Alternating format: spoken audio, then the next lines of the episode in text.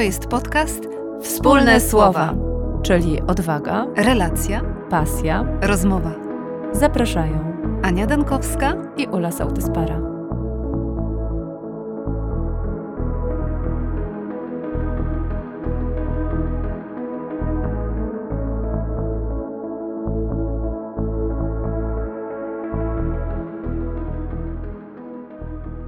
Dzień dobry, witamy serdecznie. Witamy i zapraszamy do odcinka o opowieściach. Mm, zajmiemy się dzisiaj mocą opowieści.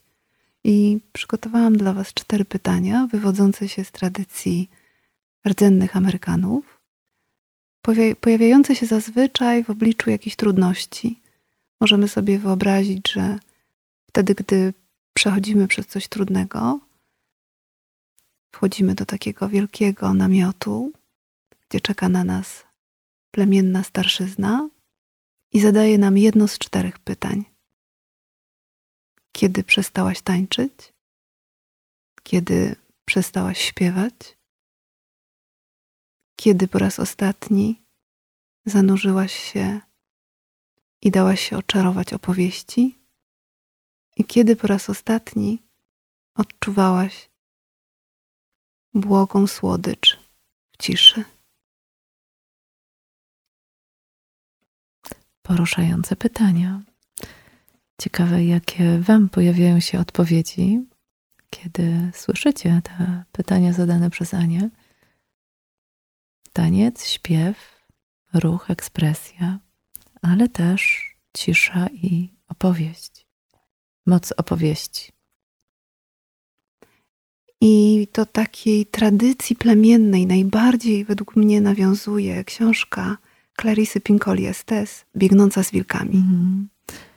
E, książka jest e, dedykowana kobietom, ale właściwie wiedzę daje ponad wszelkimi e, podziałami, także związanymi z płcią. Przytacza legendy i historie, ale ja chciałabym przeczytać króciutki fragment ze wstępu o opowieściach. Clarissa Pinkola Estes pisze tak. Opowieści przynoszą uzdrowienie. Od momentu, gdy usłyszałam pierwszą w życiu, całkowicie mną zawładnęły. Mają wielką moc. Nie wymagają, żebyśmy coś robiły, czymś były, działały. Wystarczy słuchać. W opowieściach znajdziemy lekarstwo, które przywróci nam każdy utracony psychiczny popęd, instynkt, energię. Opowieści pobudzają, wzruszają, rodzą smutek, pytania, tęsknoty i głębokie zrozumienie.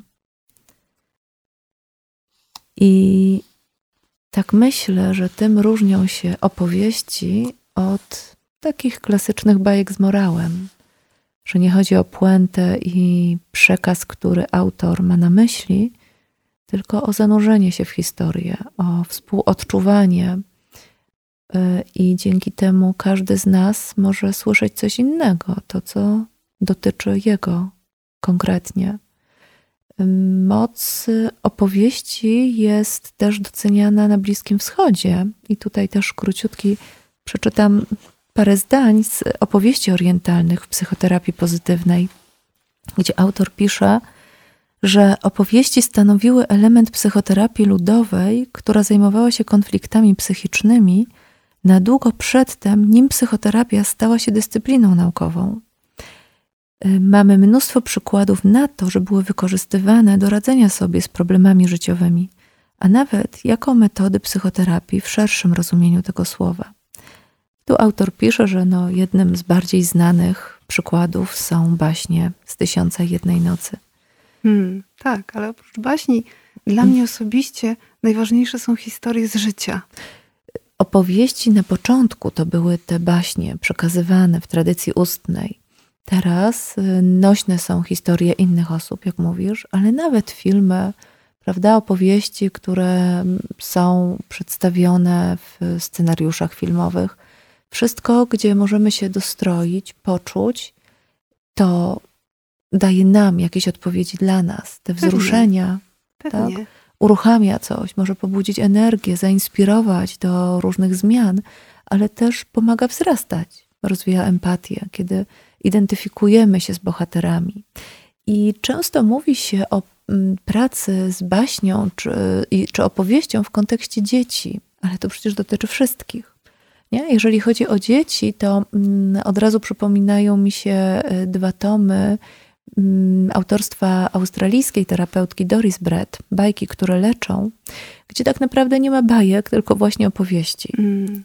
Często bardziej zanurzone w mhm. życiu. Bardzo zanurzone w życiu. To są y, opowieści skonstruowane, a właściwie są pewne instrukcje dla rodziców, jak oni mogą skonstruować opowieść dla dziecka, aby dziecko mogło zidentyfikować się z bohaterem, z bohaterką, która może być podobna do niego. I słuchając opowieści, nasze dziecko może przechodzić przez swoje różne trudności. No ale to, to dzieci, a dzisiaj miałyśmy tu zamiar mówić tak o opowieściach w ogóle, ponieważ jako dorośli no, zawsze mamy to wewnętrzne dziecko w sobie i może to też ono reaguje na różne historie. Chciałabyś, Aniu, jakąś historię przetoczyć, przeczytać? Wracając do biegnącej mm -hmm. z mhm. wilkami, tą, którą najłatwiej było mi zapamiętać, no. była opowieść y, zaczerpnięta z faktycznych wydarzeń. Przenosimy się na pustynię do Nowego Meksyku i wraz z innymi turystami oczekujemy na taniec, wyjątkowy taniec, taniec motyla. I w tym oczekiwaniu nasza wyobraźnia jest pobudzona 40-stopniowym upałem i czasem, który odmierza każde uderzenie w bęben. I oto na naszych oczach pojawia się właśnie ona, kobieta motyl, wielka, wielka jak Wenus Wildorfu. Kobieta motyl, bosa, e, z ogromnymi biodrami, ruszająca się w niezwykły takt bębna, ruszająca się mocno, z intensywnością i siłą. I wydawałoby się, że to będzie zupełnie inna opowieść, a tymczasem jest to kobieta, która na oko może mieć 70, 80, 90 lat, może być wieczna. I takie doświadczenie z tym zaskoczeniem wnosi zupełnie coś innego, zupełnie coś nowego. Ta historia w pełni została opisana w Biegnącej z Wilkami, ale lubię do niej wracać, do tego momentu, kiedy na naszych oczach pojawia się zupełnie ktoś inny niż ta postać, na którą czekaliśmy. Mhm. Ja tutaj e, słyszę te bębny, o których wspominasz, i widzę tańczącą postać. Też taniec, o który pytałaś e, w swoich pierwszych pytaniach, mm. od których otworzyłyśmy dzisiejszy odcinek. E, no, ale porusza mnie też witalność tej historii. Tak. Siła, energia pierwotna, mm, bardzo tak, związana. I ta dzikość. Dzikość, bycie boso w tej przestrzeni, to uruchamia no, przeróżne skojarzenia, bardzo bazowe i ja bym powiedziała takie pierwotne. I przeciwstawne, powtórzyć. gdzie moc i kruchość mogą występować w jedności. No tak. No ciekawe, co wy słuchając tej historii dla siebie możecie zauważyć. I no, jeżeli ktoś nie zna biegnącej z wilkami, to już jest książka wydana no, kilkanaście lat temu w Polsce. Tak, i wznowiona. Mm. Zaledwie, e, zdaje się, rok temu. O, to nawet nie wiedziałam się wznowienia, tak. To bardzo polecamy. Autorka zbierała różne opowieści e, z różnych tradycji, z różnych kultur. E, głównie, jak wspominałam, dla kobiet, o rozwoju kobiet. Ale książka rozwijająca jest dla każdego. Tak, bardzo polecamy. Bardzo, bardzo. Ale też ważnym takim, e, można powiedzieć, obszarem mm, towarzyszącym wielu terapeutom jest obszar opowieści mm, zanurzony w historiach osobistych pacjentów. Czyli tak naprawdę, jaką opowieść na temat swojego własnego życia snujemy na co dzień. Jak opowiadamy swoim bliskim o sobie, jak opowiadamy samym sobie o tym, co przeżyliśmy. Mm. Esther Perel, uwielbiana i często cytowana też przez nas, jest jednym z tych terapeutów, który aspiruje do tego, aby po e, sesji małżeńskiej lub po cyklu takich spotkań para małżeństwo, e, wyszła zupełnie z inną opowieścią. Mhm. Wielu terapeutów aspiruje do tego, aby klienci, pacjenci, z którymi pracują, mogli e, w znacząco inny niż dotychczas sposób przeżyć fragmenty tej opowieści, mhm. albo też e, odsłonić to, co wcześniej było niedostępne. Mhm. Mhm. Tak, to jest bardzo ważne, co mówisz, Aniu, i bardzo mi też bliskie, ponieważ e, pacjenci przychodząc na terapię często przychodzą z jakąś swoją gotową opowieścią, z pewnymi szczegółami, które dla nich są na pierwszym planie i które e, no, najczęściej ich ograniczają. No, gdyby było inaczej, nie szukaliby też pomocy. I praca terapeutyczna to też poszukanie alternatywnej historii. Jak możesz inaczej opowiedzieć to, co się wydarzyło? Nie, nie przez pryzmat y, porażek, ale przez pryzmat doświadczeń, własnego rozwoju. Czy możesz patrzeć wstecz i widzieć, że popełniłeś dużo błędów? No, no każdy błędy popełnia, ale może inaczej zabrzmi ta historia, jeżeli powiesz, że to były Twoje nowe doświadczenia, które czegoś Cię nauczyły, coś wniosły, pozwoliły coś ruszyć do przodu, przetrwałeś kryzys jakikolwiek trudne w życiu, poradziłeś sobie, tak? wtedy jest historia nie tyle o bólu i y, ciężkości, ale o sile, o przetrwaniu, o mocy ukrytej. Więc y, takie konstruowanie opowieści na temat swojego życia samo w sobie jest, y, jest bardzo y, takie odkrywcze i rozwojowe. Też mi przypomina, jak byłam raz na jednym szkoleniu dla terapeutów i mieliśmy za zadanie napisać bajkę dla samego siebie. I to także wydaje mi się być ciekawe. Tak, Gdyby, bo mówimy wtedy o pewnego rodzaju tak. nawet micie. Mhm. Nie? Gdyby Mit samego osobisty. siebie mhm. nie? potraktować jako, nie wiem, może właśnie dziecko, które czeka na pewną opowieść, albo samego siebie jako swojego przyjaciela, który czeka na jakąś wspierającą historię. Mhm. E, albo po prostu bez żadnych oczekiwań. Znasz siebie najlepiej, jak możesz, jaką opowieść chcesz usłyszeć, co chcesz usłyszeć, co cię może zaciekawić, wzmocnić. No, jeżeli ktoś ma czas i ochotę, to zachęcam. Napisz bajkę czy opowieść dla, dla siebie, dla mhm. samego siebie. Chciałabym jeszcze nawiązać króciutko do takiej książki, która ukazała się w ubiegłym roku, w 2021. Szymona Chrząstowskiego, narracyjna terapia więzi, przewodnik psychoterapeuty par. Bardzo ciekawie ujmuje również ten temat, wspominając w swojej książce, że tak psychoterapeuta analizując narrację w parze, tak naprawdę przypomina pracę, e, którą podejmuje tłumacz. I pisze tak: Z jednej strony ma on za zadanie wiernie oddać słowa autora, z drugiej nie może uniknąć własnej interpretacji tekstu. Jeśli psychoterapeuta dosłownie potraktuje niektóre wypowiedzi pacjenta, to proces terapii nie posunie się do przodu i para pozostanie w pułapce dysfunkcyjnego wzorca zachowania. I podaję liczne przykłady. Gorąco polecam tą książkę. Mm -hmm. I tutaj chciałabym przytoczyć jeszcze jedno ćwiczenie na koniec akurat tego rozdziału, a, mm, zachęcające do tego, aby zastanowić się, jaka historia, jaka opowieść jest dla ciebie ważna. Więc z jednej strony to, co mhm. ty mówisz, mhm. Ula, tutaj o micie osobistym, o bajce dla samego siebie, a z drugiej, y, cytując tutaj Szymona Chrząstowskiego, może to być jakiś film, spektakl teatralny, książka, obraz, piosenka. Dlaczego wybrałeś, wybrałaś właśnie tę opowieść? Co w niej jest dla ciebie ważnego? Czy ta opowieść wpływa jakoś na twoje życie? I przede wszystkim ostatnie pytanie: czy coś w tobie zmienia? Mhm. To tak jest, że reagujemy na pewne opowieści, a na pewne niekoniecznie. Mamy tak, że wracamy nieraz nie? do filmów, książek, opowiadań. Dzieci często mm, domagają się wręcz, aby powtarzać im te same mhm. historie czy te same bajki. I to jest e, zawsze sygnał, że o, tu chodzi o coś naprawdę osobistego. Tak, często zakorzenionego w naszym ciele. Mhm. Bo oprócz opowieści, którą snuje nasz umysł i którą wkładamy w słowach, istnieje też opowieść naszego ciała. I dlaczego wtedy, gdy słyszę, jak ty opowiadasz, moje gardło rezonuje, jakoś odpowiada? czujemy coś w klatce piersiowej, czujemy coś w brzuchu. To są, myślę, takie czasem ulotne i bardzo subtelne sygnały wskazujące, że to jest jakiś mój temat.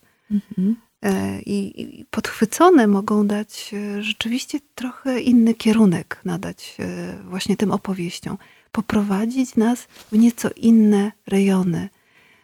Nadal jestem pod ogromnym wrażeniem pracy Rebeki Solnit i ona mówi w wielu wywiadach o tym, że my wciąż potrzebujemy lepszych opowieści. Mhm. My wciąż jako ludzie potrzebujemy lepszych metafor, potrzebujemy lepszych pytań i takiej otwartości. To mhm. są jej słowa. Tak, i wtedy mm, zmiany perspektywy. Y, bardzo bliskie mi jest y, myślenie, że jednak słowa kreują rzeczywistość. Y, I mm, ja wspominałam o indywidualnym spojrzeniu, ale to, co ty, Aniu, tu wnosisz, mówiąc o parze, no to każda para, czy każda rodzina również będzie miała swoją historię. I też w jakiś swój sposób będzie interpretowała to, co się wydarza. Więc y, terapeuta może nadać czy y, swoje znaczenie, wcale nie znaczy, że jedyne słuszne, ale swoją mieć interpretację, a zachęcić może parę czy rodzinę, jak spojrzeć inaczej. Co jeszcze? No i y, przypominają mi się słowa z kolei teraz Tomasza Raczka, mhm. który mówi, że mm, w wielu swoich mm, omówieniach różnych filmów przytacza, że każdy film to, co oglądamy na ekranie, to jest 50%, a drugie 50% to jest to, co się wyświetla u każdego widza. I dopiero z tego powstaje 100%. I moje 100% może być inne niż twoje, bo ja mogę zwrócić uwagę na coś innego właśnie, na coś innego zarezonować i co innego może mnie jakoś właśnie mm, rozwijać tak. kierować do przodu, zupełnie coś innego. A coś może mnie na przykład wkurzać, a ciebie zachwycać i to te, też może być. I te opowieści mhm. traktowane y, z taką lekkością, nie? tak jakby mhm. nie, nie mm, stwarzają oporu. Mhm. Pozwalają z różnymi przeciwnościami sobie e, poradzić tak. w zupełnie inny sposób. Tak, znaleźć rozwiązania, no nie? I mm, y, my korzystamy przecież z pracy, z technik eriksonowskich, i w Eriksonie często korzysta się właśnie z opowieści.